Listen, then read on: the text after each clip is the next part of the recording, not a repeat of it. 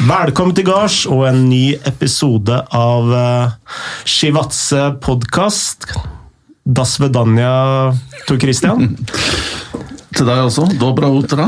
Dobra Jeg utra. kan ikke georgisk, så jeg får heller ta det på russisk. Ja, for de snakker også russisk i Georgia, ikke sant? Jeg tror det er i ferd med å kanskje bli litt utvanna. De yngre generasjonen nekter å lære seg russisk og lærer seg engelsk isteden. Ja, Men gode gamle Chivadze er jo født i Russland, eh, i Sovjetunionen, så han snakka jo russisk, det vet vi jo. Ja, fordi da måtte alle være tospråklige, ikke sant? Ja. Absolutt. Eh, I dag har vi med oss en eh, veldig spennende gjest. Eh, En jeg har eh, fulgt siden 2013 ca. Og en som du også har jobbet litt eh, med. Og eh, Altså, du har eh, sittet på det andre, andre siden av bordet på en del avtaler med vedkommende som vi har i studio nå. Ja. Eh, Og det er jo ikke ofte vi eh, får eller har den type gjester i studio. for Fordi eh, Som ofte så er det trenere, kanskje spillere. Men i dag har vi med oss en agent. Han heter Imad El Hamichi. Ja. Sa jeg det riktig, Imad? Det gjorde du. Ja. Eh, Er det et marokkansk navn, eller? Ja, foreldrene mine er fra Marokko. Men du er fra Oslo? Jeg er fra Oslo. Ja. Vaskeekte Oslo-gutt. Ja. Gamlebyen? Eh, Jordal. Jordal? Det er jo gamlebyen. ja. Du veit, før i tida, altså lenge før, altså før, eh, før eh, første verdenskrig, så Mm. gikk jo skilla på eh, hva som var liksom Ikke overklasse, altså det var jo ikke noe overklasse på Vålerenga, men det var Mm. jo sånn slags eh, De som eide snekkerfirma og sånt, de bodde fra liksom Jordal og oppover. Mm. Og de som bodde nedenfor, de tilhørte eh, arbeiderklassen. Mm. jeg bor i gamlebyen, så jeg bor i slummen.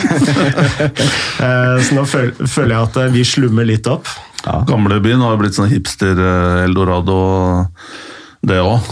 Ja, det er ikke helt Grünerløkka ja, ennå. men det er i ferd med å bli det, så det jeg det. plasserer deg inn der. Ikke, så skulle ikke komme og ljuge på deg.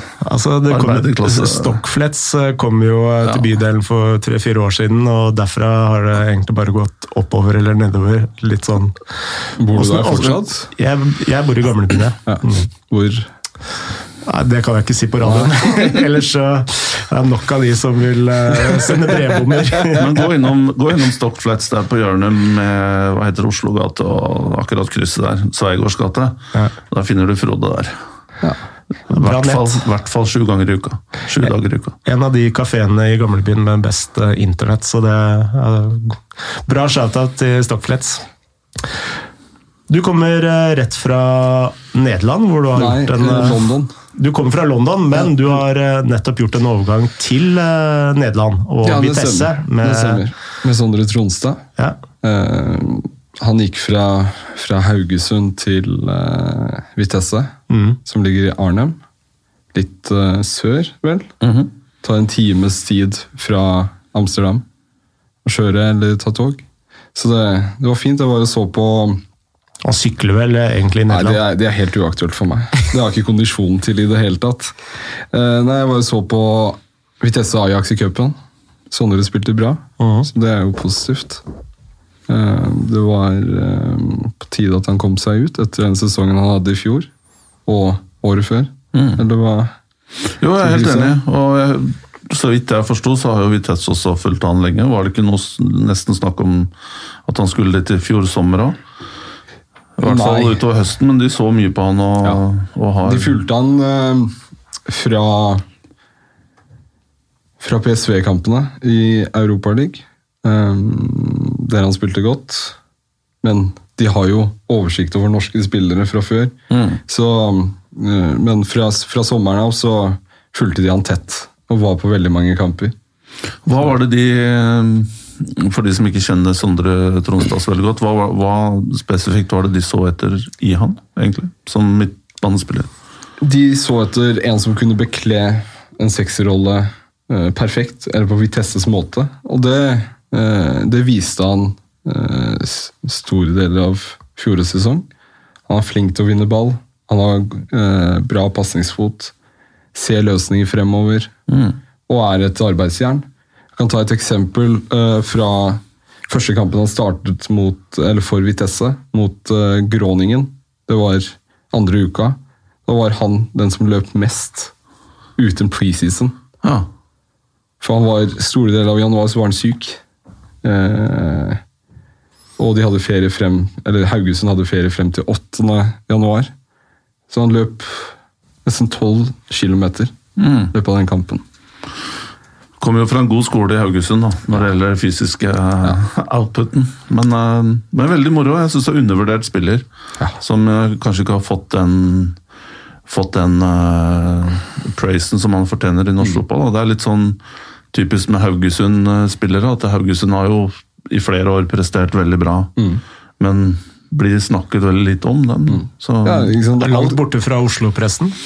Ja, så er det vel langt borte fra Haugesund, jeg holdt på å si fra Bergen og Stavanger òg. Liksom, eh, litt bortgjemt der, men eh, Går litt under radaren. Mm. Men eh, det var jo faktisk et av mine første spørsmål, før vi må gå litt sånn til start. Altså, hvor mye er det altså Når man tenker på en sånn overgang, hvor mye er det oppsøkende salgsvirksomhet, og hvor mye er det en klubb som eh, vet hva de vil ha allerede før du blir kobla inn? Det er jo et samarbeid, da. I hvert fall når du skal selge en spiller ut i utlandet. Så første man gjør sant, Jobben starter jo eh, nesten et år i forveien, eller seks måneder. Eh, med Vitesse så var jo saken sånn at eh, samme dagen som Haugesund spilte mot eh, PSV i kvalifisering til Europaligaen, så var jeg møtte klubber i Nederland. For det er enkelt å kjøre rundt om der. Så hadde jeg snakket med Vitesse, for jeg kjenner dem fra tidligere. Eh, og sagt at de bør se på eh, den kampen, for det var noen spennende spillere. Som Kristoffer Welde, Bruno Leite, Sondre Tronstad, som jeg har der borte. Og da var jo Mark, han eh, som er nå sportsdirektør, men han var sjefscout. Eh, og en som heter Jan eh, Scout, ble med på den kampen. Eneste spilleren de likte, var Sondre Tronstad. Jøss. Da fikk jeg telefon, det var torsdag de spilte, da fikk jeg telefon en mandag. Uh, hadde lyst til å høre litt mer om uh, Tromsø, da. Og vi snakket litt uh, om han. I forhold til forventninger, i forhold til hva slags type han er. Og der starter det hele. ikke sant? At man er, i hvert fall i det internasjonale markedet, så er man oppsøkende. For det er ikke, det er ikke alle som ser til Norge. Kanskje litt mer nå pga. suksessen til Haaland, Ødegaard, Berge og de andre. Um, men det starter jo med, med nettverket. At man uh, planter noen frø hos de ulike klubbene. Eh, helgen etter så tror jeg de sendte en scout som heter Imad, samme navn som meg. Marokkaner, han òg. Han, han var faktisk stortalent i, i PSV. Eh, og så begynte du å følge den. Altså var det starten av november eh, kom eh, sportssjefen ned og skulle ha møte, og, og så, på, så på en kamp av Haugesund for å se nivået. Og så eh, Veien derfra var eh, mye møtevirksomhet som konkretiserte seg i bud. Men igjen da, så, så handler det om at tre parter skal bli enige. Eh, først og fremst begge klubber, og så blir det spiller og kjøpende klubb. da. Så det er en lang prosess. Ja. For sant, det virker jo sikkert sånn Så den prosessen her tok eh, nesten et år? Ja, jeg vil si det. Fra vi bestemte oss for at han har en så god utvikling til at det er verdt å prøve å få han ut. For vi Veldig mange tror sikkert at agenter vil selge bare for å selge. Det gjør sikkert noen. Men eh, med alle spillerne vi har, så jobber vi med karriereplan. På, på hva slags type eh, plasser de ønsker å dra til. For eksempel i sommer så hadde vi bud på Sondre. Eller vi hadde konkret interesse og bud på Sondre fra ulike ligaer som han ikke ville til. Og det er fair, fordi han hadde et klart mål om å dra til Nederland, for det er et fint mellomsteg for å ta steget til dit han vil ende opp. Da. Så, men alle pro prosesser er ulike, for å si det sånn. Det, for veldig mange tror vel at uh, en overgang skjer sånn her, men det, det gjør det ikke. Det er ikke sånn at uh, uka før overgangsvinduet starter, så, så starter alle arbeidet. Det er jo ikke sånn. Vi jobber jo hele året Uh, pleier nettverket vårt, jobber inn mot klubber. Ja. Det var en ting jeg la merke til i den forbindelse, Imad. Eh, Du var litt ute på sosiale medier og, og meldte at eh, litt sånn haters-gone hate, og nå folk tvilte på, på, på Tronstad. Eh, Hva, hvem gjorde det? Jeg trenger ikke å gå ut med navnet, men, men eh, hva, hva, hva var det der? Hvilke tweet tenker du på? Nei, det var vel noe du sa at, eh, at noen hadde tenker du tvil. ti, ti, tidligere i Nei, nå eh, Ja, nå, nå nylig, ja. Ja, ja, ja. Ja, det, det er en um,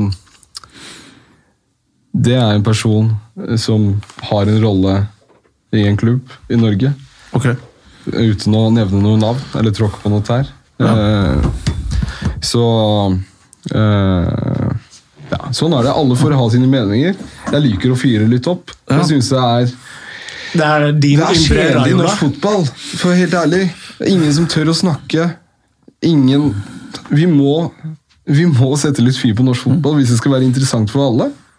Og jeg er litt den typen som liker å, har- skryte av spillerne mine. Jeg føler jeg har fyra ganske bra opp de siste Ja. ti årene. Ja, men ikke sant? Du hører jo aldri noe fra noen agenter. Nei, det, er, sånn sett, det, det er jo derfor eh, veldig få definerer hvem vi er. Men ikke sant? På grunn av handlingene til ulike agenter. Mm. Men de ser jo ikke på 80% som faktisk er der og jobber 24 timer for gutta sine. Nei. Eh, ikke sant? Så, så det handler jo liksom jeg, har- jeg har alltid vært åpen for å fortelle folk om hvordan ting foregår.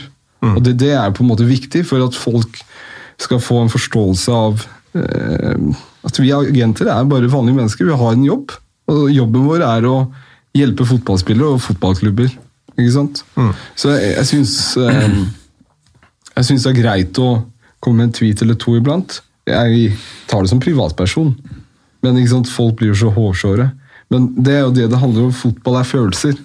Ja, nei, jeg, jeg, det, det, det, er viktig. kritikk Det er viktig å få Eh, Nei, jeg vet det. jeg vet Det, Det var ikke er lang, kritikk. men å gi en lange, finger til noen uh, gjennom et subtilt uh, beskjed, det er bra det, noen ganger. Jeg synes jo du er inne på noe der om, vi har snakket litt om det i podcasten her før, at kanskje det mest eh, u, ikke ubehagelige, men det mest på en måte slitsomme fotballen her i Norge, det er jo baksnakking. Det føler jeg er veldig utbredt her.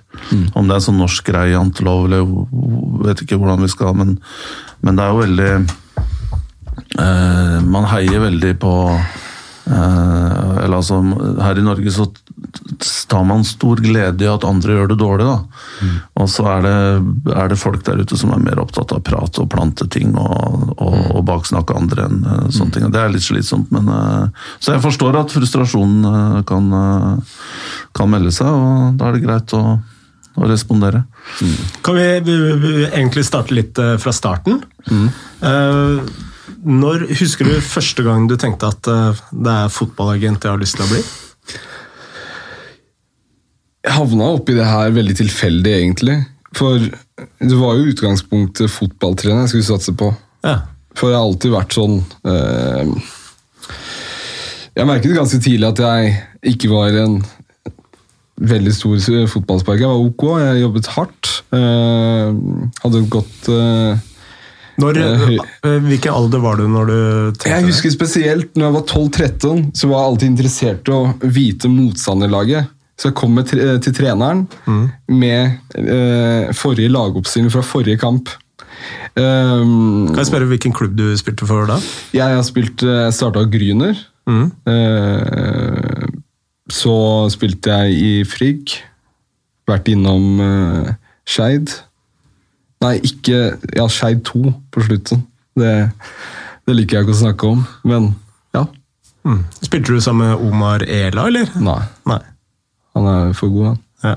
Ja, for er derfor jeg sitter her, og, og han sitter i et helt annet land. Ja. Men han gikk jo ut ganske tidlig, han. Mm. Men da tenkte du at uh, det var trener du ville bli? Ja, så jeg har jo, jeg har jo trenerkurs. Så jeg begynte som trener uh, for uh, jentelaget til Frigg Mm. I mener, 2009, vel, hvis man går tilbake på Facebook min. Og så eh, var det med David, David Brokken, Han som spilte i Vålerenga. Så vi hadde Belgisk blå, som han ble kalt. Ja, helt riktig. Så vi hadde god relasjon, og, og mm, han likte å inkludere meg i guttesiden. Grunnen til at jeg startet med jenter, er så enkelt som at man lærer veldig mye fra dem. Mye mer enn det man gjør med gutter. På hvilken måte da? Det er andre utfordringer som du må ta hensyn til. Eh, De har jo ikke de samme fysiske forutsetningene som gutta. Eh, Og så, så handler det om hvordan du prater til dem. ikke sant? Veldig mye går på følelser på den siden. Hvis du greier å mestre det, så greier du å mestre guttedelen òg. Mm. Ikke sant? Og derfra gikk jeg videre til Lørenskog. Uh, Jobba med en som heter Morten Rom. Og eh, Berntsen Thomas Berntsen. Nei, ikke Thomas Berntsen. Han andre Berntsen. Tommy Berntsen. Tommy Berntsen, ja. Ja. Tommy Berntsen, fantastisk fyr. Jobbet med G16 interkretslaget til uh, Lørenskog. Eh, Han er nå rekruttrener i ja, i Vålerenga. Vålerenga. Mm. Han burde ha fått sjansen oppover, han. mener jeg. Eh, så jeg var der. eh, hadde mye læring. Var eh, fin.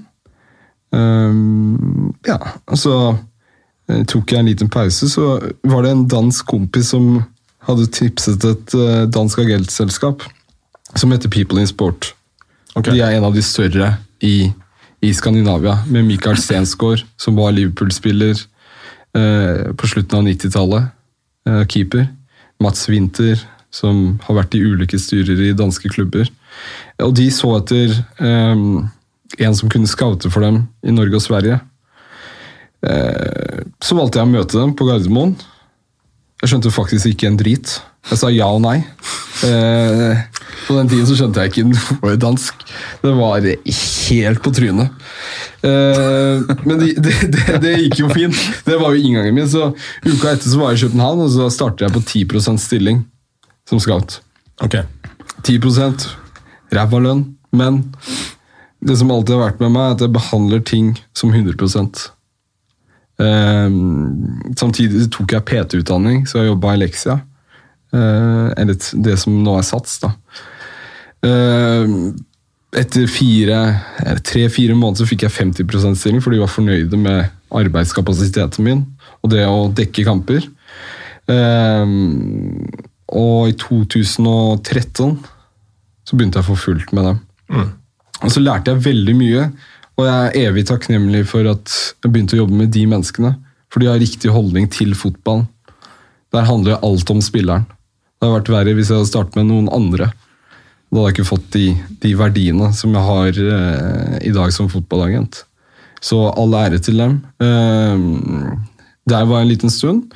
Så valgte jeg å avslutte. Eh, jeg følte at jeg hadde lært mye, jeg har fått kontakter. Og så drev jeg så ikke sant, Ut fra Når jeg var i, i, i People in Sport, så fikk jeg jo en del kontakter i utenlandske klubber. Så begynte jeg å gjøre rapporter for noen av klubbene i mellomtiden til jeg fant ut hvilken vei jeg ville gå innenfor den bransjen. Og i vel slutten av 2014 så startet jeg noe som heter Golden Sports Management. Det var, eh, Golden Sports Management var frem til i fjor. Ja. Um, sammen med en som heter Christian Høvring. Han spilte i Frigg.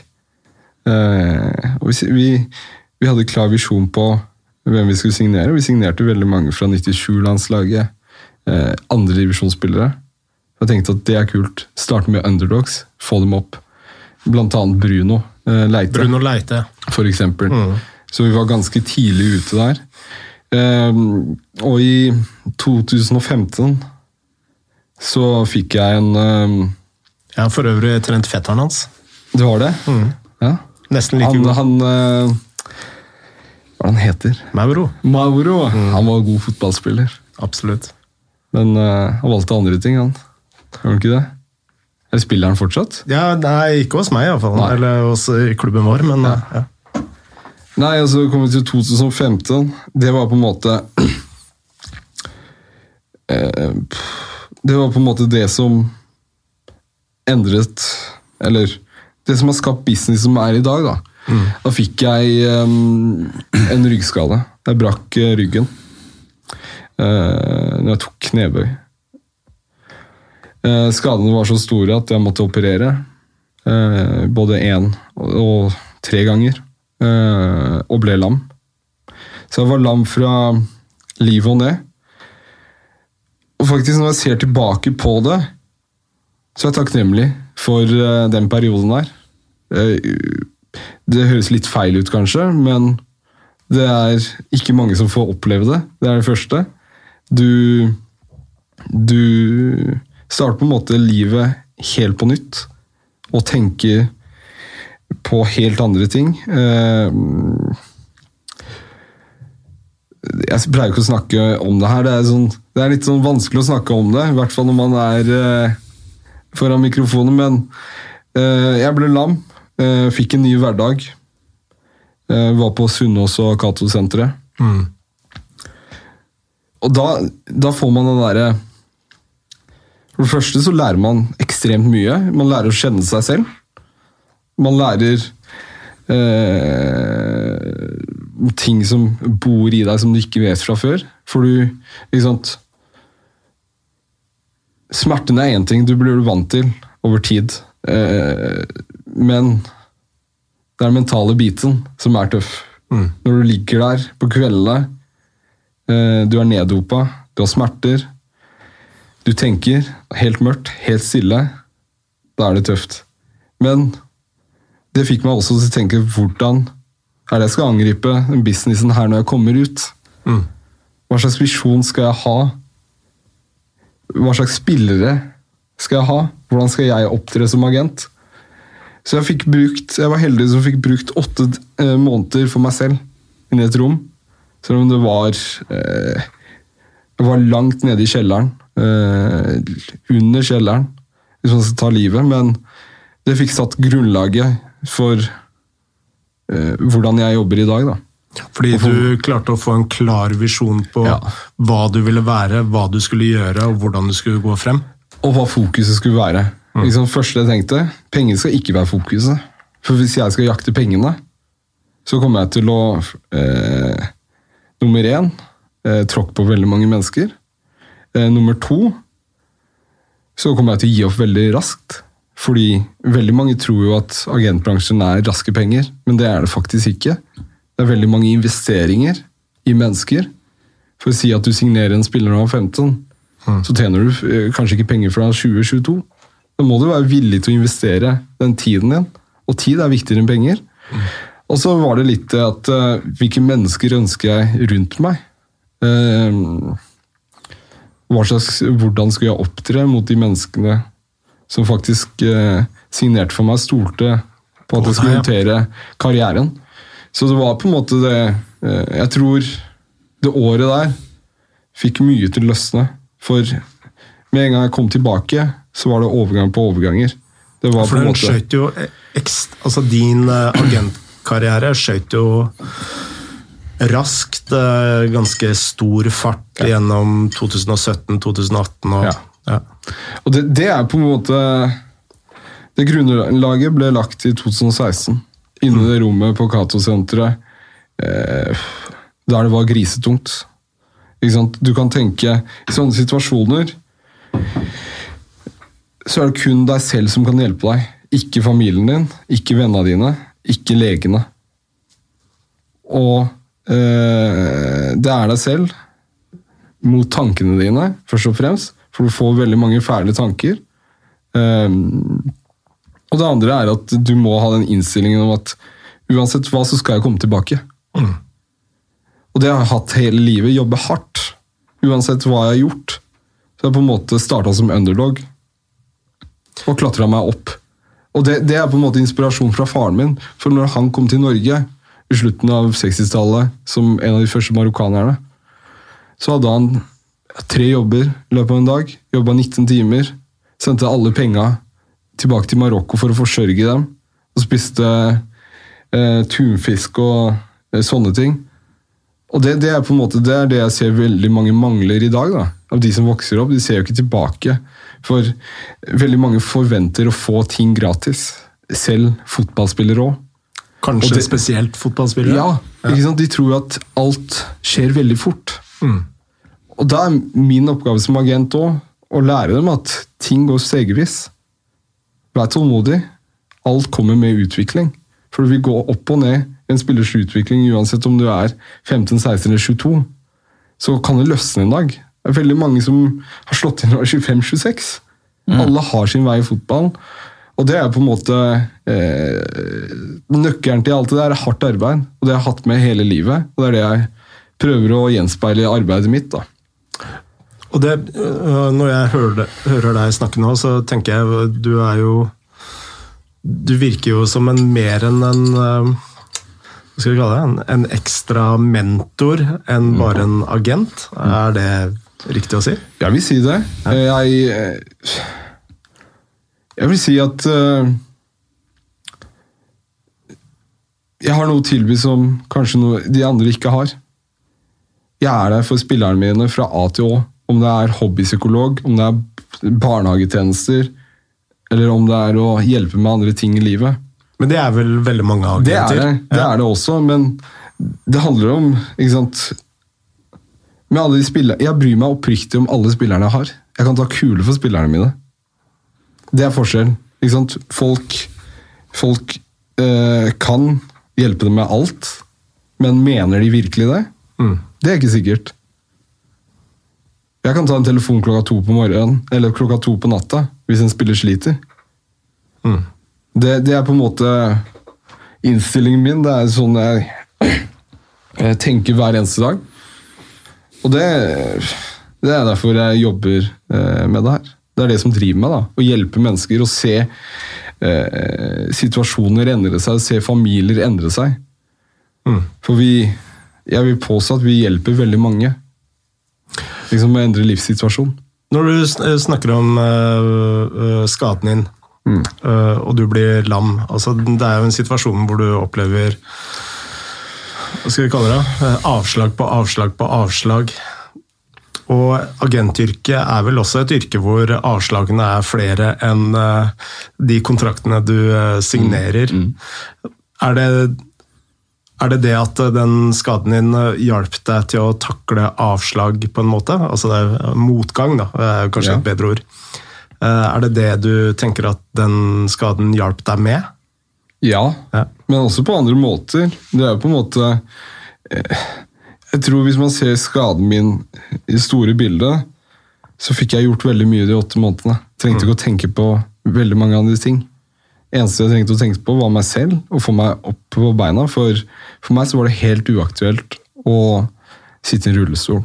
Det var på en måte pri én. Jeg skulle tilbake, og jeg skulle drive med det jeg elsker. Det er fotball. Eh, nummer to, det var det skal ha klar visjon ut ifra hvordan jeg jobber mot spillere og hvordan jeg jobber mot klubber. Eh, ja, du vil oppleve avslag, men det verste ikke sant? Nei, jeg er ikke farlig. Folk kommer til å trenge deg på et eller annet tidspunkt hvis du har produktet. Hvis du har det riktige produktet i riktig tid. Og det er på en måte eh, det som er nøkkelen i det hele. da. At man skal ha det produktet som er etterspurt. Er det liksom øh, vanskeligste delen å, å forklare spillere? At uh, dette med tålmodighet og at uh, du, du, du møter faktisk øh, avslag, og det er folk som mener du er helt håpløs, og, og plutselig en dag så er det faktisk en sportsdirektør eller en trener som har troa på deg. Altså denne tålmodigheten. Ja. Eh, ikke sant? Det er alltid vanskelig å forklare en spiller det. Det er det, Uansett hvordan du vrir og vender på det. For det blir så blir det liksom, ja, det blir det. De tar seg nær av det. Noen av de, noen tar, de tar det som menn og bruker det som motivasjon. Hadde kona mi hørt eh, oss snakke nå, og du eh, sier 'ta det som menn', da hadde vi blitt satt ut på gangen. Uff. Det som menneske. Ja, for eksempel. Men eh, det er jo eh, veldig mye interessant der, og takk for at du deler den eh, historien, Imad. Veldig, veldig rørende å høre på. Og, men jeg, jeg ser jo en ting, jeg prater jo også med spillere eh, uten agent, ikke sant? Altså, Uten at agenten er til stede. Og man ser jo veldig stor forskjell på hvor mye spillere blir fulgt opp av agentene sine. og Der ser jeg at du er veldig aktiv og, mm. og, og, og, reiser mye, besøker dem. Og så har du sikkert masse masse kontakt som ikke vi vet om på telefon og, meldinger og sånne ting. Men det er jo nesten blitt en tendens at, at mange agenter bare melder seg på når det er interesse. Mm. Og så skaffer de en overgang, og transaksjonen går imellom. De får sin commission, mm. og så liksom, blir det stille. Men det viktigste arbeidet det er jo det du gjør etter overgangen.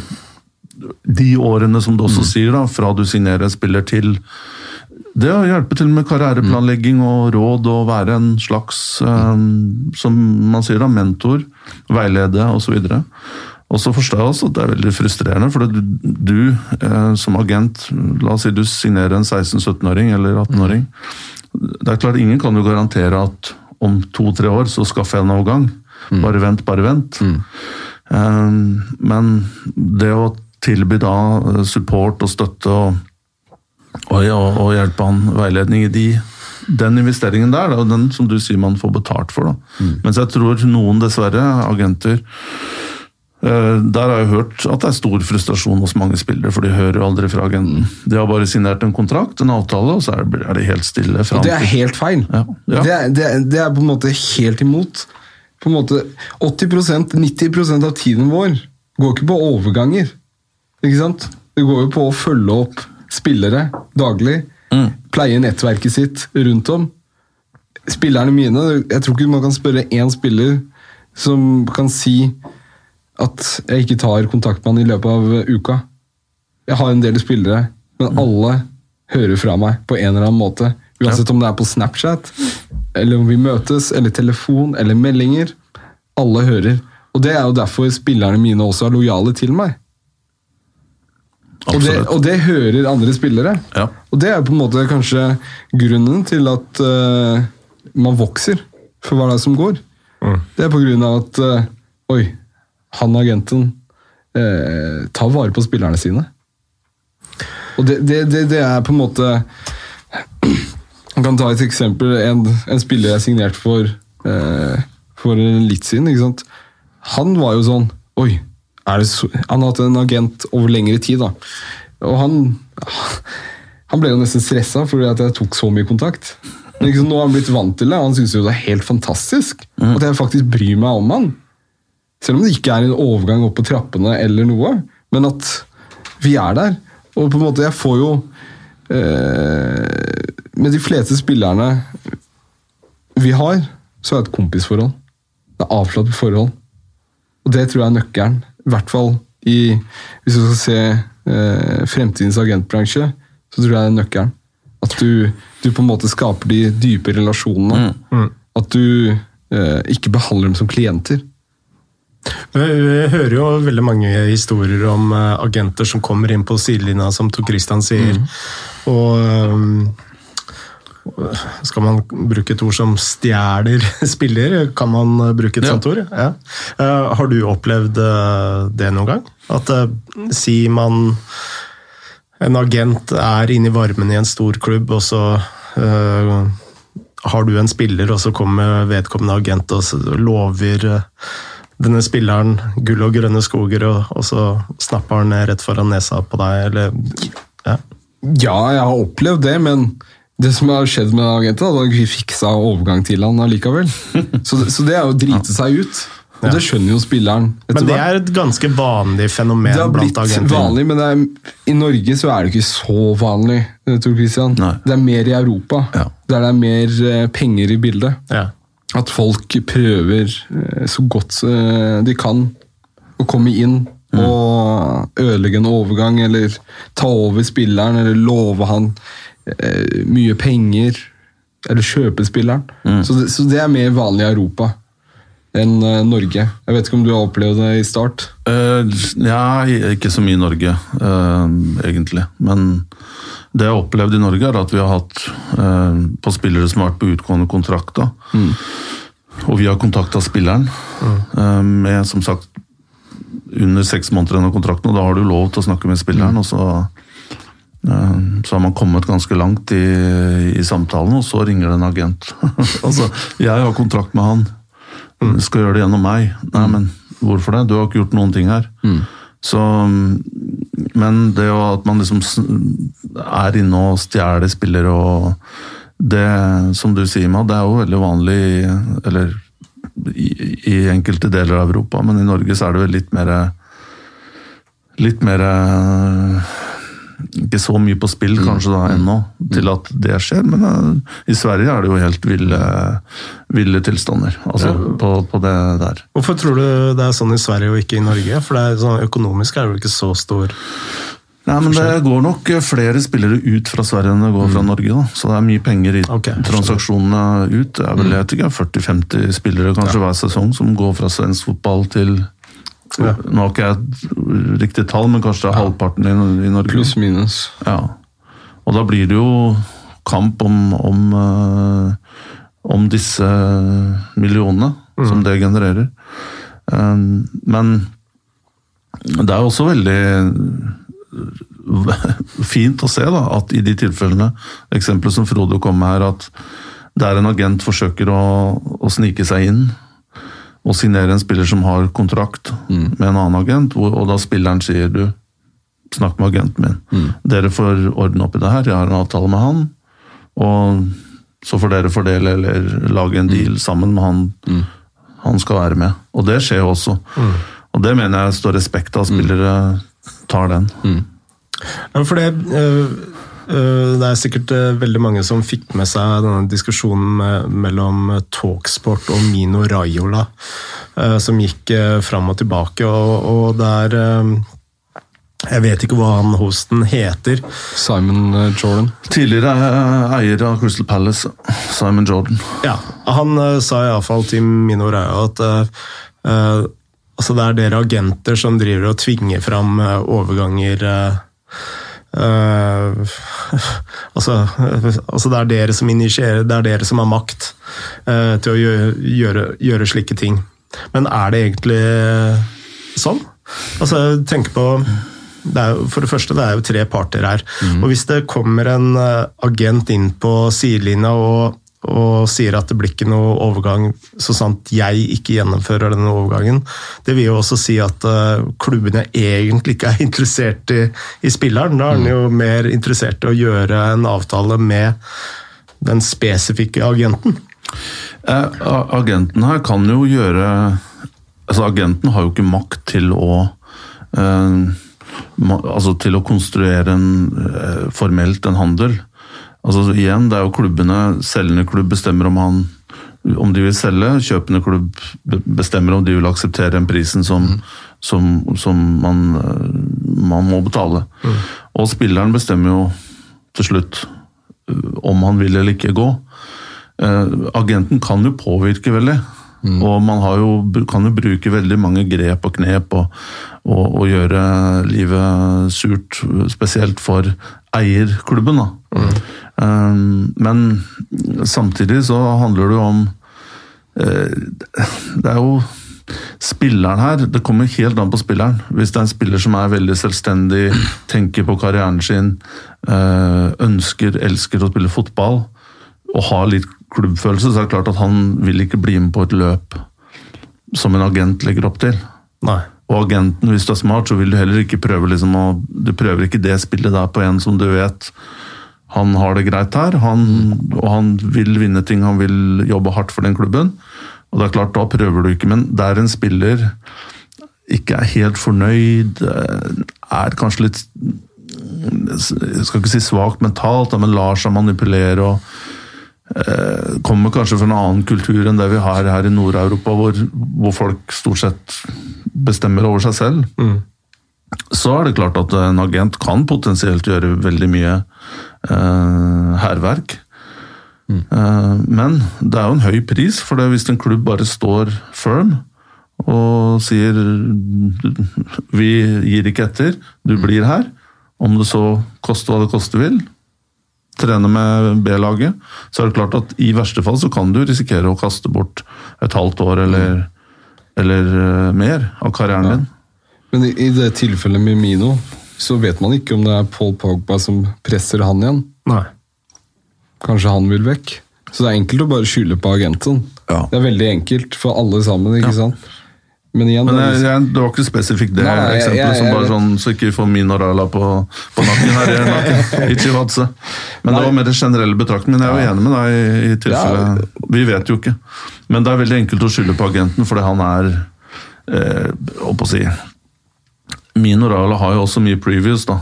Eh, fra Han har en historikk. ja da, han har det, og så er det klart at det er enkelt òg, men eh, akkurat i det intervjuet der da, som du snakker om, jeg tipper mange så det i går, men han hadde vært greit om han fikk lov å prate.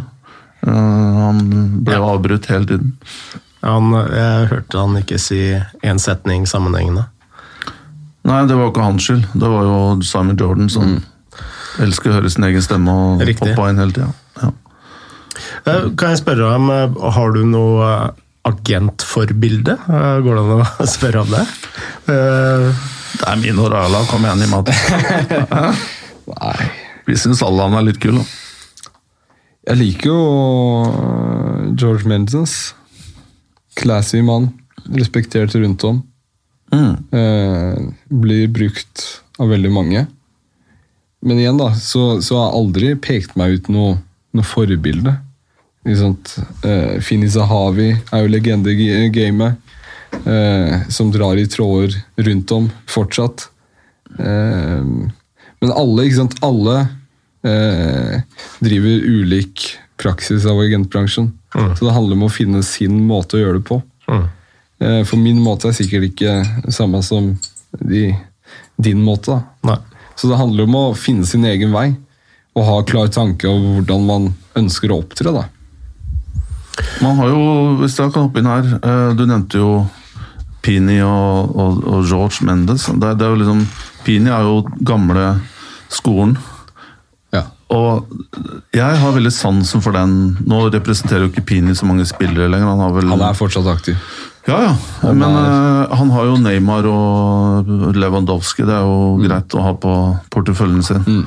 Men han er jo en type som har brukt vanvittig eh, mye energi og krefter på eh, akkurat det vi var inne på, relasjoner. Ja. Og det er ikke en person jeg kjenner Pini ganske godt. Uh, han var med og bidro til at jeg endte i Makabi Haifa, blant annet. Det er jo hans klubb. Uh, eller hans de, Altså eieren er barndomsvennen av Pini. Men det å bare observere han og se hvordan han jobber med mennesker, og hvor god han er med de relasjonene, og hvor vel han får mennesker til å føle seg i sitt, i sitt nærvær. Helt fantastisk. Og Det er den gamle skolen, og det er ikke en, som jeg sier, en person Pini ikke kan ringe, plukke opp telefonen omtrent fra Ikke Det hvite hus, kanskje, men i hvert fall både politisk og fotball. og han, han kjenner absolutt alle, og folk svarer når han, når han ringer. På hvilken måte er den eh, Altså Er den sånn som husker bursdagen din og Ja, Nei, kanskje ikke min, da, men han husker sikkert bursdagen til de han ønsker å imponere mer enn han ønsker å imponere meg. Men han er, han er, han er veldig eh, han er veldig sjenerøs, han eh, inviterer til ting. Hvis du er i London, så er det gjerne eh, hyggelige kvelder med han. Eh, han er eh, ja, er veldig er en, Spandere litt middager og sånne ting? ja, han, og, og den, men bare den derre personlige, og han spleiser sammen folk. ikke sant? Hvis det er middag med, med Pini Sahawi, så vet du at det er det andre folk som kommer fra ganske høyt nivå, som du treffer. ikke sant? Og sånne ting er... Så det er den gamle skolen veldig eh, fokusert på relasjoner. Og den tanken er litt sånn midtøstensk, da. eh, Og gamle at, at du Det handler ikke om hvor mye du tjener nødvendigvis, men det handler om at du skal li, like den du driver business med. Ja. Og det syns jeg er et fantastisk eh, utgangspunkt. Bryte brødkulturen? Eh, Ja, eh, kan man godt si. Og så har man den helt andre veien som det er i ferd med å gå litt nå. Jeg vet ikke om du kan backe meg på det her, Imad, men jeg ser spesielt sånn tyske agentfirmaer, kanskje litt i England, hvor i mine øyne det begynner å bli litt eh, upersonlig. Da. De har veldig mange spillere og veldig mange agenter innenfor et selskap, og alle ser likt ut. eh, alle snakker liksom business-språk. Spesielt i Tyskland så tror jeg det er på den måten der. Jeg kanskje er litt gamle skolen, ja. Jeg liker den der litt mer eh, relasjonsvennlige. men, men, men på en måte så er det jo også eh, bra at agentbransjen går i den veien at det er veldig eh, seriøst, da, og at det er liksom Nå, nå er det vel også Jeg har hørt noe om at det var et engelsk agentbyrå som ble kjøpt opp av stort amerikansk underholdningsfirma. og det, og det byrået du er en del av Sports. Ja, Dere er vel også eid av Ja, vi er jo fortsatt en delen i, i Skandinavia. Um, uh, men er partnere i det selskapet, så det er joint venture. Ja. Men um, uh, veldig fint selskap. Vi har vokst. Det selskapet har eksistert i ett og et halvt år. Men allerede nå så har vi signert en del Premier League-spillere. Mhm. og får vært med på reisen. Det er det som det er grunnen til at uh, man gikk inn der. Så er det veldig mange kompetente folk. Det er samlet veldig mange kompetente folk som er gode på ulike ting.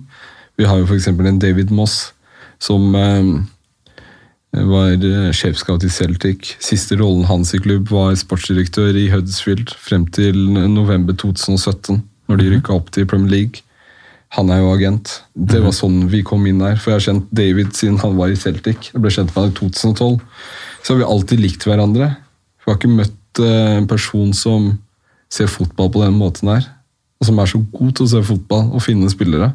Så vi har jo vært venner eh, hele veien. Og så ringte han meg når han var ferdig i Huddersfield. Så nå kom jeg inn i din bransje. For vi har alltid snakket om at en dag så skal vi jobbe sammen. Eh, eh, og, så, så ville han at vi skulle sette oss sammen. Så satt vi sammen i England, sammen med de andre i det selskapet. Og likte hverandre. Vi hadde de samme tankene om hvordan man skulle jobbe. Og da ble det sånn. Og det var jo gjennom David Moss, da, som har erfaring som Academy Manager i Crystal Palace også. Um, ja, så har vi eh, Anton Rogers, sønnen til Brendan Rogers, som jobber eh, med oss. Han spilte jo fotball, han òg. Vi har Mark Hendon, som har vært scout i Brighton. Vi har ja, en del folk som har vært i klubber, da, og som har ulike kompetanser. Men når du går fra Golden Sport Management, som har din eh, på en måte starta der, og så har du nå First, First Access og Jeg ser jo du hadde jo med deg en eh, norsk spiller nå fra Tromsø, signert for Chelsea, ikke sant? Ja. Hva var navnet hans igjen? Brian Fiabema. Ja. Så da har du på en måte et nettverk eh, i en organisasjon som også gjør ting smoothere for deg der i Chelsea. Og de kjenner folka, og, og det er litt betryggende kanskje å ha et nettverk der som kan Ja. følge opp spilleren veldig, veldig Absolutt. nært. Og, og, og ikke sant Jeg er alltid på leit etter folk som er bedre enn meg. Det er viktig. Det, det er på en måte, Hvis du skal være i den bransjen, og hvis du skal nå langt i en bransje, så må du være ydmyk. Og lære fra folk som er bedre enn deg. Og Det har alltid vært tanken min. Det er også grunnen til at man legger vekk egoet og tenker ok, nå går vi inn i det nye. Eh, eh, og bygger noe sammen med dem, da. Eh, jeg og Manuel. Eh, Amanuel Kidane, ikke sant? Kidane-legenden. Eh, så, så, så, så valget var jo sånn Det var veldig enkelt, fordi eh, det er bedre å være med på en del av store kaken enn ikke være med på kaka. Mm. Og så er det jo også eh, med Brian eh, Så vil de følge han opp. Det vil gjøre hverdagen for oss enklere. At det er alltid noen som er der for spillerne våre i England. Og de er veldig dypt inne i Chelsea. Vi har sju spillere i Chelsea. Ja. Annet med Callum Hudson og Doy. Som er en av de største salgsobjektene. Han kunne ha gått til Bayern Munich i fjor. Så um, Er Brian allerede på plass nå i London? Ja. Han har Ja. signert og er Ja, han, Chelsea-spiller? han han, signerer faktisk um, proffkontrakten offisielt i morgen. Ok, Så han er der. kult. Altså, Når du nevner Pini Sahivi som en av den gamle skolen og er veldig flink til å pleie nettverk og sånn altså I starten av podkasten så nevnte du pleie relasjoner i hvert fall tre-fire ganger. Hvordan uh, konkret er det du pleier uh, relasjoner? Inn mot spillere eller klubber? Klubber?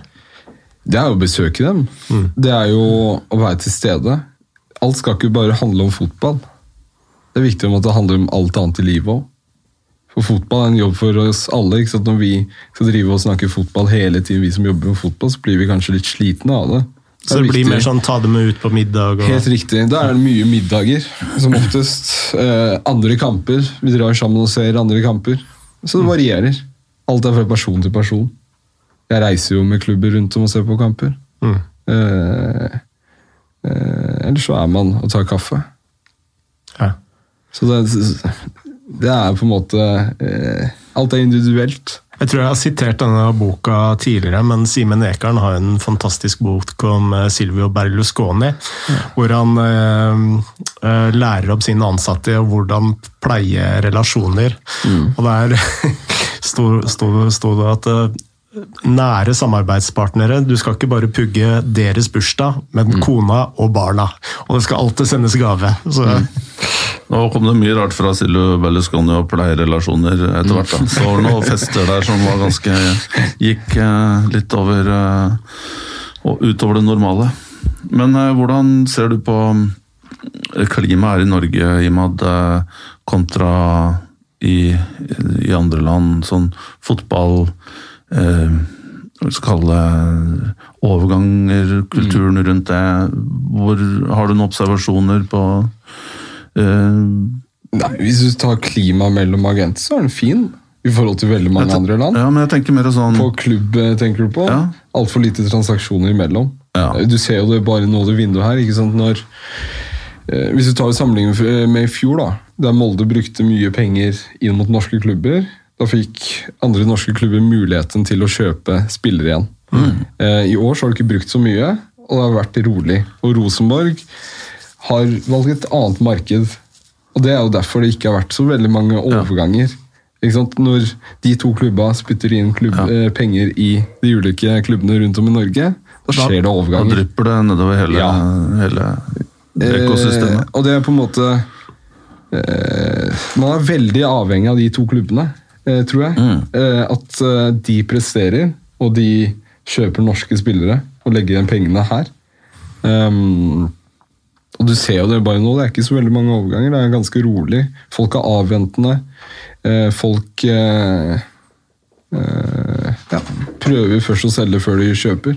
Økonomien er ikke like stor som det er i andre land. da. Nei, eh, jeg vet ikke om du deler den observasjonen, eller, eller rundt Jeg kan kaste den ut på bordet her, men jeg har jo vært i, i mange forskjellige land, i mm. forskjellige typer roller. og For meg så var det liten Selv om jeg holdt et øye med norsk fotball eh, gjennom media og folk jeg kjenner før jeg kom tilbake hit mm. eh, Men det som overrasker meg, er at i Norge så er det liksom det blir litt sett uglesett at man skal bruke penger på fotballspillere. Det, er, det blir sett på som negativt. Er, uh, samtidig så kan du ha supportere som uh, elsker engelsk fotball. Uh, og benker seg foran Deadline Day-sendingene på TV 2. Mm. Og skriker etter at Glacier skal bruke mer mm. penger. Og prater om nettspend og en og andre. Mm. Men, og da, da, skal man handle, handle, handle i England, men i Norge så skal man ikke gjøre det. Ja. På en måte. Der skal man bare dyrke lokalt. Men igjen, da, så er det to forskjellige økonomier, da. Ja, det, det, er ikke poenget, jeg forstår det. Men, ja. men, eh, er det litt sånn i Norge at det blir sett på som litt eh, skammer oss over å, å, å, å kjøpe, kjøpe, spillere. Det er noe vi skal dyrke fram selv. Og Jeg sier ikke nødvendigvis at det er negativt. Det kan jo også være bra at, mm. og, og, at det gjør det mulig at unge gutter får sjansen. Mm fra egen, uh, eget akademi, men det er litt sånn Jeg vet ikke om du har noen tanker rundt det? Imad? Jeg vet ikke om vi bruker nok uh, unge spillere i norsk fotball. Hvis man skal snu det spørsmålet, da. Syns du det er uh... Jeg syns det er altfor få rundt om. Okay. ja, alt handler om å vinne, men samtidig så handler det om å utvikle norsk fotball. For vi har fantastiske talenter hvis man ser fra U20 eller U21 og ned til U15. Det er så mange. Ikke sant? Istedenfor å hente spillere som er halvveis. Så gi de unggutta sjansen. La de feile et par kamper. De må feile. Det er en del av utvikling. Så vil du få salgsobjekter. Ikke sant? Og eh, tilbake til spørsmålet ditt. at Jeg tror ikke det er sånn eh, som du beskriver det. Men jeg tror det er mer forsiktighet. At eh, økonomien i klubbene er veldig usikker. Eh, det er ikke like mye penger som det var før. Ikke sant? Så de kan jo ikke, kan jo ikke bare kaste bort penger. Og så er det jo også eh, det at man eh, Man vil ikke bare ta noen hastebeslutninger som man bommer på. For ingen har råd til å bomme i Norge, faktisk. Nei, eh, det er jeg enig i, men jeg kan jo si f.eks. Molde, da. Som har vært veldig aktive på overgangsmarkedet i Norge. Ja.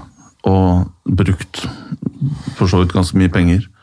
Men de har også vært flinke til å selge spillere og, og, og få spillere ut. Så Molde har jo vært en De går sikkert i pluss her. Eh, absolutt. Men eh, Molde har på en måte fått litt sånn kjøpeklubb eh, Litt Ja, supportere fra andre klubber liker liksom å stikke bort til Molde da, fordi de kjøper og, fra, fra igjen, andre da, norske. Så, så glemmer de at de legger igjen pengene i norsk fotball. Det er jo det viktigste.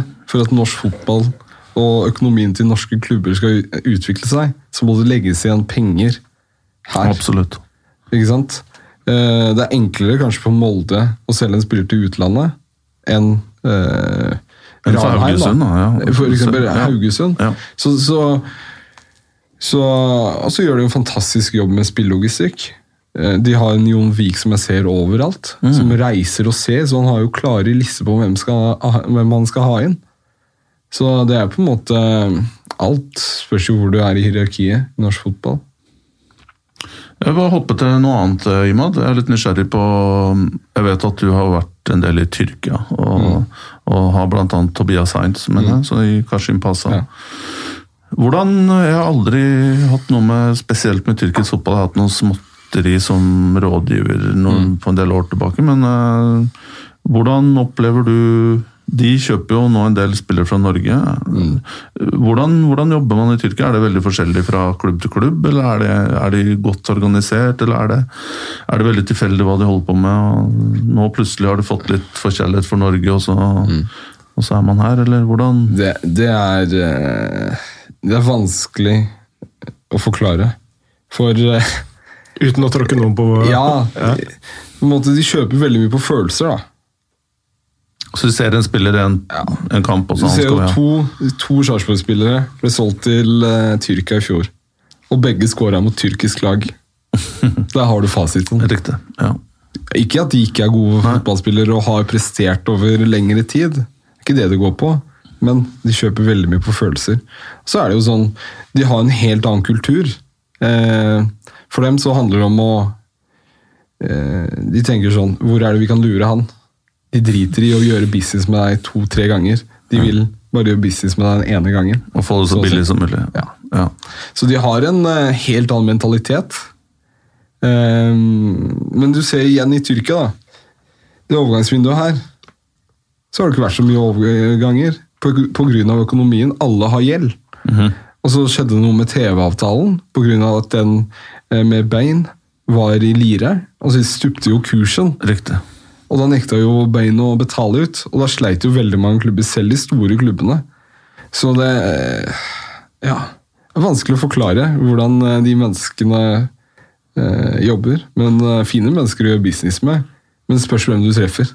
Hvordan er det for Vi kan jo holdt si, kanskje ta, få han inn i studio en gang òg, men eh, jeg tenker jo Tobias Hein som ung var 18-19 da han gikk til Kashim Pasta. Hvordan er eh, treningshverdagen og opplegget sånn rundt eh, Kashim Pasta, akkurat den klubben? Er det som en, som en OK italiensk klubb, eller europeisk? Treningsfasilitetene? Kasim, treningsfasilitetene Kasim Pasa er topp to i verden. Topp to? Ja, Topp to, topp tre. Det er ikke noe du må se med egne øyne. Ja. De har investert så mye i det treningsanlegget, og det gjelder kun for A-lagsspillere. ja. Ingen andre. Det er fantastisk der nede. Så det er jo høy Premier League eh, Ja. ja. Juventus har jo henta inspirasjon derfra. Chelsea har vært der på treningsleir tidligere. Det Så det, det, det er på grunn av at eh, det var presidentens klubb tidligere. Og, Eh, Dogan, ja. og han som er eieren, er bestekompis Siner, heter han. Han er bestekompis med presidenten og en av de rikeste i Tyrkia. Så de, de har vært eksemplariske. De har betalt lønn til, i tide, noe de fleste tyrkiske klubbene ikke gjør, selv ikke Besiktas, Galatasaray, Fenerbahçe. Men de, de har vært eh, eksemplariske, faktisk. Hvis man Jeg skal ta spør, hvorfor gjør ikke tyrkiske klubber det? Er det bare kulturelt, eller har de ikke pengene, eller? Jeg har ikke pengene. Nei. Enten så, de har ikke pengene, så er det på følelser der òg. Hvis Si at de taper tre kamper på rad, Ja. så er lønningen femte. Så tapte de fjerde. Ikke faen om de betaler ut. Nei. Det, men det er, det er helt seriøst. Betaler ikke ut. Nekter.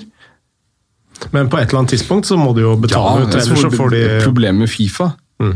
De fleste har jo problemer med Fifa. ja. Men hvordan er det nå, i og med at før så var det sånn at hvis du var en spiller som var skyldt penger, og det var mange saker der, spesielt i, fra Tyrkia, og så skulle du ta det videre til eh, disse organene, og så tok det ti år før, fikk, før det kom en dom eller at du fikk pengene. Er det mye hurtigere i dag? Ja. Så nå blir det Og nå har de senka det der eh, kravet. Før så var det hvis du ikke fikk lønn på tre måneder. I fjor, i mai, juni, så endres Fifa til to måneder. Så hvis de er forsinka på betaling i to måneder, så kan du i prinsippet, eh, etter flere advarsler, etter to advarsler, sende inn til eh, Sende inn til Fifa om terminering, så terminerer du nesten på flekken. Det tar bare et par dager. Og så kan du finne deg en ny klubb, og så blir det sak mot eh, klubben. da. Og så får du eh, pengene dine. Ja, da begynner, tidspunkt. og da Da, tar det kanskje et år totalt før du får alle pengene dine. Ja. Men er Tyrkia da ikke en sånn en anbefalt eh, destinasjon for dine spillere, på en måte? Spørs helt hvem. Mm. Hvem som tåler det trykket. Jeg syns Tobias gjorde et eh, tøft valg. Han var fast bestemt på at han skulle til Tyrkia. Det Ja. var nederlandske klubber der. Det var eh, klubber fra andre land. Men eh, den gangen Sarpsborg spilte mot Besiktas borte, så falt han eh, Ja. Han, han ble forelsket I I Tyrkia? Ja. Ja. Da var det, liksom, det er jo mye å var elske med Tyrkia. Det var ikke spørsmål om at han ikke skulle dit. Mm. Det tror jeg veldig mange så i media også eh, i forkant av overgangen. At han gikk eh, veldig hardt ut på den. Så eh, Man lærer veldig mye. Jeg tror for en uh, ung gutt som Tobias, han er født i 98, blir 22 år Fortsatt eh, i, I Norge så er han fortsatt ung. Så han lærer jo ekstremt mye det å bo eh, i et nytt land der eh, veldig mange ikke snakker engelsk. Så han har lært seg litt tyrkisk og har det fint. Men eh, altså, du har jo gjort eh, overganger til veldig mange land. Og eh, arrester meg gjerne, men eh, Heinz og uh, Mathias Nordmann i eh, Rostov er vel kanskje de to største overgangene dine? Ja, noen av de. Ja. Eh, Brian var jo også ganske stor til Chelsea. Ja, absolutt. Men, eh, Selv om han, eh, han eh, er ung. men når vi snakker om Tyrkia nå, hvordan er Russland i forhold til England, Nederland og, og Tyrkia, da? Du skal, du skal sitte og lytte, Ja. for å si det sånn. Behandle folk med respekt. ja. Du, ja, du har, har jobba med russisk klubb, så du vet jo hvordan det er. Det er en helt annen mentalitet og holdning, men absolutt fine mennesker. Så hvis du tar flyet først til Tyrkia og så til Russland, så må du på en måte øh, må omstille deg. må omstille deg. Ja. Men ikke sant? det er jo det som er fint med fotballspillers liv òg. Å oppleve sånne kulturer som er langt ifra det du har hjemme, eller i andre land i det man kaller Europa. Eh, men jeg synes, liksom, når folk tar de valgene, så syns jeg det er tøft og kult. Mm. Liksom, Velge en helt annen vei. Det er på en måte eh, Du får så mye læring. For det er langt unna det du er vant til. Jeg tenker også for din egen del, da, i og med at du er jo ikke så, uh, så gammel som, uh, som det Frode og jeg er. Men uh, jeg tenker jo at det å få muligheten til å jobbe i et så internasjonalt miljø, og det du er inne på, at, mm, å forstå at man må eh, Man må tilpasse seg alle disse forskjellige kulturene og forretningskultur og, og det man lærer av det. For meg så har det vært en veldig stor gave, i hvert fall. At jeg fra jeg var 20-21 har fått lov å, å, å jobbe i veldig internasjonale miljøer og, og fått lære. Da. Det er jo helt fantastisk. Eh, Og det er jo du Jeg er med på evig takknemlig. Liksom. Jeg er glad eh, hver eneste dag for at jeg står opp og får lov til å drive med det jeg får lov til å drive med. Eh, først og fremst fordi jeg koser meg. Fordi jeg elsker fotball. Det er min første kjærlighet. Så er det jo også at jeg jobber med fantastiske mennesker. Jeg får lov til å selektere hvem jeg vil jobbe med, og ikke. Og hvem jeg snakker med i løpet av en dag. Eh, og så får jeg møtt veldig mange forskjellige mennesker, og det er jo viktig. Det å forstå mennesker? Det, det er på en måte en stor del av eh, virksomheten. Det å forstå mennesket. Det å lese mennesker. Mm. Og respektere at alle har ulike holdninger til ting og syn på ting. Eh, og så får man eh, reist veldig mye. Eh, litt, eh, det er litt tungt å reise så mye som jeg reiser, men jeg er veldig aktiv. Jeg liker å være på tærne. Eh, Hvor mange reisedøgn har du i løpet av et år? I fjor så hadde jeg vel eh, litt over 200. Mm. Allerede nå så, så jeg har sånn, nå starta jeg med sånn app for å tracke hvor mange fly jeg har i løpet av bare nå i januar og, og februar. Så har jeg sittet i fly 55 timer. Så du har ikke flyskam, med andre ord? Nei, jeg, jeg kompenserer det med at jeg er veganer, da. Ja, ok. Ja. Så Og kjører elbil. Nei, det gjør jeg ikke. Skulle gjerne gjort det. Skulle gjerne Ja, jeg, rekker jo ikke, jeg rekker jo ikke å kjøre bil her i Norge, så, så Men eh, for meg så virker det som at eh, når du velger spillere du, du vil jobbe med, så er det ikke bare det å være god i fotball Nei. du ser etter. Nei. Hva slags andre uh, kjennetegn i en spiller er det du Ikke sant? Jeg har mange forskjellige spillere. Uh, først og fremst så skal de være ambisiøse. Og det samme skal jeg være. De skal være realistiske. eh, De skal være lojale. eh, De skal ha hodet på rett plass. De skal være tålmodige. Så er jeg også glad i å, å jobbe med spillere som er flinke på forskjellige arenaer. For da vet jeg at de mestrer eh, det langsiktige innenfor fotball òg. Hvis, du hvis du er flink på skolen, så greier du å løse oppgaver ute på fotballbane Mm. som kanskje eh, en annen ikke gjør, da, som er litt dårligere på skolen. Selvfølgelig så er det veldig mange som er eh, har sinnssykt talent som aldri har vært flinke på skolen. Der røyk Maradona, si. Men intelligente mennesker. Folk som tør å stå for sine valg. Folk som eh, eh, Ja Generelt fine mennesker, det er det jeg ser etter. Eh, Folk du trives med. ja. Ja. Jeg må kose meg i jobben min. Og det tror jeg også de jeg jobber med, eh, vil. Så det, for, for meg så er det viktigste personligheten. Det er mange ganger jeg sitter i møte med veldig gode spillere, og så ser jeg at jeg ikke kan håndtere personligheten deres. Mm. For jeg er veldig direkte eh, med, med spillere. Jeg kan ikke bare klappe folk på skulderen. For fotballspillere trenger jo ikke bare yes men. For det, da, da går karrieren i dass. Du må være direkte med dem. Du må, liksom, du må eh, skille mellom når du er kompis og når det er business. Og så må du greie å tilpasse deg eh, til å være en 15-åring, tenke som en 15-åring, og en, en som er 30. Mm. Så du må hele tiden omstille deg. Eh, Men hvis du har en, eh, en som eh, ikke tenker rasjonelt foran deg, eller en som ikke tenker realistisk, så blir det vanskelig. For da, møter, da blir begge parter skuffa uansett. Hvis en spiller vil til Barcelona, men nivået hans er eh, Odd, så blir det jo umulig å jobbe sammen. For da skuffer jeg han, og han skuffer meg. ikke sant?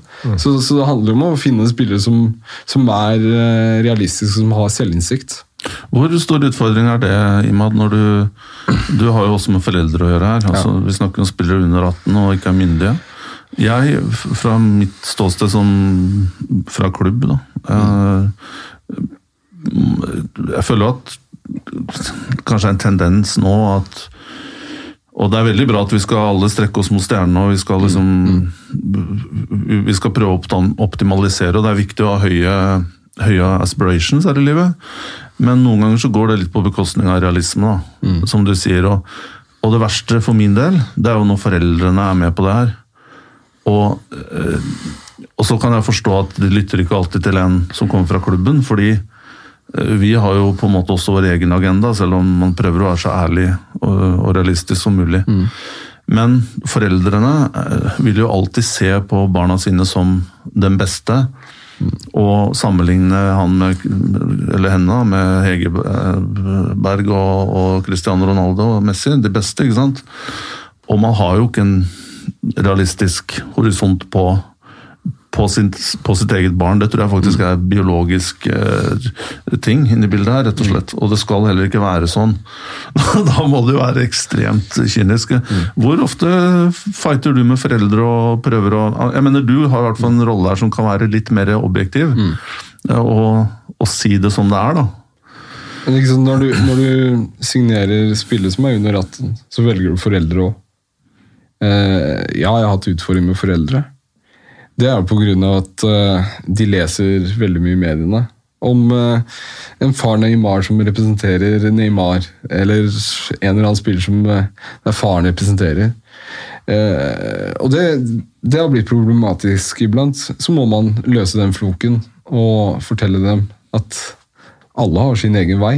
Og så tror jeg også problemet til noen er at de prøver å få ut drømmen sin gjennom ungene sine. Og det syns jeg er synd. Det er jeg helt imot. Du skal ikke tvinge noen til å bli fotballspillere. Det er ikke alle som kan bli fotballspillere. Selv om du, du har et ønske om at uh, at uh, uh, sønnen din skal være det. Så Men de kommer vel aldri så langt at du får noe med dem å gjøre, da, som er i tvil om de skal være i fotball ja. eller ikke. Ja. Så det er Jeg synes generelt så er foreldre flinke.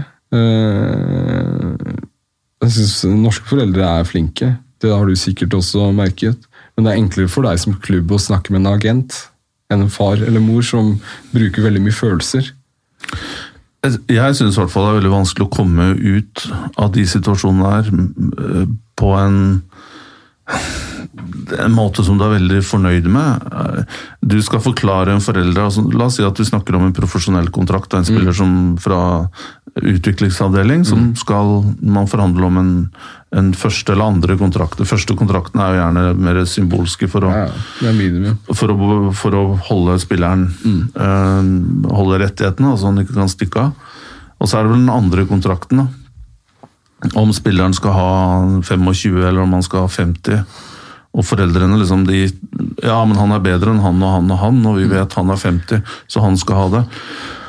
Og du, eh, som klubbrepresentant her, og det er, farlig også, det er farlig å dra inn treneren i det her, for han skal egentlig ha et ganske nøytralt forhold til spilleren. Mm. Um, så du som sportslig leder eller daglig leder, du blir jo på én side så skal du jo si at ja, vi har veldig troa på, altså, på, barnet ditt, eller øh, poden da, i tilfellet her. Og vi liksom skal backe karrieren, og den bør være her. Mm.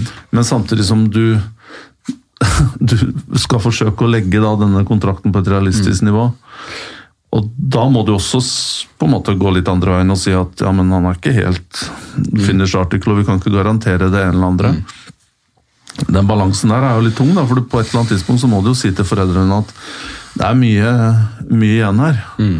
Uh, og der mener jeg agentene uh, har en viktig rolle. Mm. Um, fordi Og jeg har forsøkt å si det her veldig, veldig mange ganger.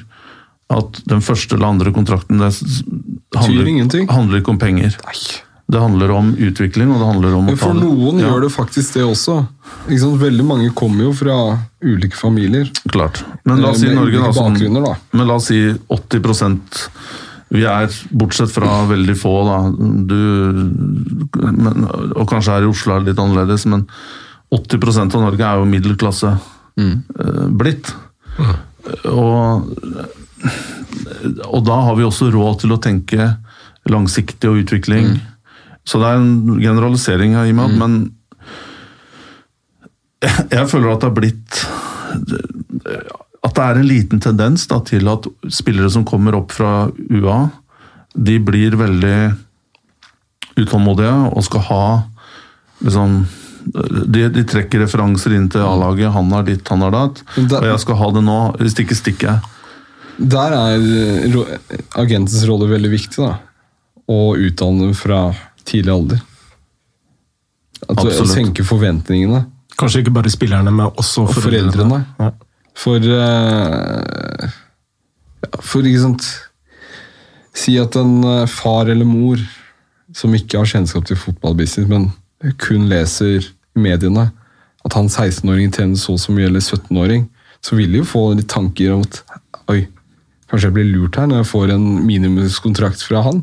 Så man skal ikke helt skylde på dem heller, fordi de, de vet jo ikke hvordan dynamikken i det her er. Så det handler jo om å utdanne dem fra tidlig alder. Eh, ja, og ikke skape misforståelser. Og her kommer jo også det her, her kommer det en, også en caveat til. da. Vi snakka om det med relasjoner, så tenker jeg Og det La oss si at du er i den, det dilemmaet der. Du har en spiller som er litt sånn på vippen til å Han er 17-18 eller 19, skal signere kontrakt to eller tre. Og så tenker du eh, du har dine ideer om, om kanskje, han, at kanskje han burde bli Han har ikke klart å flytte eh, til Oslo om han er i Haugesund eller Kristiansand. Men så tenker du Vet du hva? Den klubben der har behandla meg dårlig. Eller jeg har ikke noe sansen for de folka som driver den klubben der. De er kjipe og eh, liksom Jeg har ikke noe god feeling med dem. Hvorfor skal jeg gidde å gjøre dem en tjeneste ved å snakke han til å bli, da. Og der mener jeg at det der store bildet der med relasjoner Alfa og omega. Å ta de der middagene og, og, og, og Men det ligger også på klubber, da. At det er ikke bare du som skal gå rundt og, og behandle folk med respekt. Det må jo komme begge hver. Og jeg føler kanskje i Norge det, det, så er det det veldig mange klubber må tenke på, er jo også eh, Veldig mange klubber er flinke til å behandle agenter med respekt. Det er perfekt. Men så er det veldig noen som ikke vil ha agenter. Men det de glemmer igjen, er når du får det 10-millionerssalget, så er det mye mer penger enn det ene sponsoren din leverer i løpet av tre år. Så hvis man skal vri det fra agentens side, så er vi i utgangspunktet den største sponsoren til norske klubber. Eh, til dels med eh, kjøpende klubb, da. Men for å være ikke djevelens advokat, Ja. men klubbens advokat, så vil jo en klubb ofte si at eh, jo, men eh, denne spilleren ville jo vært solgt uansett. eh, Det er hvilken ikke rolle- sikkert. Nei. Det er ikke sikkert. Det kommer på innsalget. Du ser jo veldig mange kanskje, eller noen spillere i Eliteserien som tenker hei, han er kanskje for god til å være her. mm. Og da Men kommer, da at- kommer kjøpet av seg selv. Ja, Og så er det noen som er gode, men som blir Eliteserien. Og du må jobbe og bearbeide. Ja, Ja. men jeg, jeg tenker på de som kanskje ikke, ikke har agent, som er, eh, eller blir Eliteserien. Det er pga. at det ikke har vært noe innsalg til andre klubber der. Absolutt. Ikke sant? Ja. Så det er derfor jeg spurte deg Ja. i starten av denne podkasten altså hvor mye av din jobb er innsalg, og hvor mye er det eh, klubbene veit om disse spillerne selv. Da. Eh, Det er eh, 80% vil jeg si. ja. Det er, hvis ikke du er Haaland eller Ødegaard, så er det 80 Mm. Det er jo på en måte sånn Du ser jo ikke scouter overalt i norske tribuner. Det gjør du ikke. Nei. Det, da, må, Så- da, må, så- man, da må vi gjøre jobben, ikke sant? Og det, det glemmer jo klubbene. De tror at det bare tikker inn en mail Mm. på at 'hei, jeg ønsker spilleren din, og jeg tilbyr det her'. Det er ikke sånn det funker. Det er lange prosesser. Så Tronstad for eksempel, ville mest sannsynlig ikke vært solgt til Nederland. Hadde ikke du gått på disse rundene i Nederland? Ja, jeg vil si det. Og så vil jeg si også om Jeg har et veldig godt forhold til Haugesund. Eh, veldig godt forhold til dem. Um, de de, de avslo jo eh, bud i starten der. Og det var dealen off. Dealen var off. Det var faktisk off. De har en russisk eier, og ble fornærmet eh, for at det var off. Eller for at de takka nei. Så handler det om å bearbeide den andre klubben. da. Så to uker senere så fikk vi det på banen. Og da må jo agenten bidra til å få dem inn på banen igjen. Så det, det er på en måte Vi har ulike roller i ulike overganger. Mm. Noen går smooth, andre eh, krever mye arbeid. De står og banker på døra her, eh, Imad. Eh, altså vi spiller inn uh, podkasten Ja. hos moderne media, og her er det fullt trøkk eh, med podkastlaging eh, døgnet rundt. Eh, men jeg må jo si tusen takk for at du har vært med i dag. Det har vært eh, utrolig lærerikt og utrolig hyggelig. Takk selv. Takk for at du fikk komme. Og hyggelig. To gode karer. Takk. Nei, tusen takk. Det var, eh, det var en god samtale. Og jeg tror det er veldig mange som er nysgjerrig på hvordan, hvordan eh, agentbransjen og eh, disse detaljene utover det man bare leser i, i, i, i avisene. Så det har vært eh, Så må man huske at det ikke er enmannsshow. Det er alltid team. Mm. Med spilleren, med klubbene man selger med, da. Og kjøpende klubb. Og ikke minst, agenter er ulike. Alle agenter er ulike. Alle er bygd opp ulikt. Det er enkeltagenter. Uh, uh, jeg og kollegaen min Amanuel jobber jo tett sammen, og vi har andre folk som vi jobber med. Så det, alt, alle har, alle har uh, ulike måter å gjøre businessen på, da. Men Eh, håper helsa di fortsatt uh, Krysser fingra. Krysser fingrene. Uh, vi møtes igjen neste uke, Tor Christian. Ja, Da har vi. vi nok en spennende gjest. Absolutt. Uh, men da sier vi som vi alltid sier. Ikke das vedanja, men åssen sier man ha det på russisk? Ja, man kan jo si det. Er det das Ja, man kan absolutt si det. Da sier vi det, da. Uttalelsen er kanskje litt uh, fornorska? Ja, men uh, bra. Da sier På vi det. da. Das vedanja. Das vidania.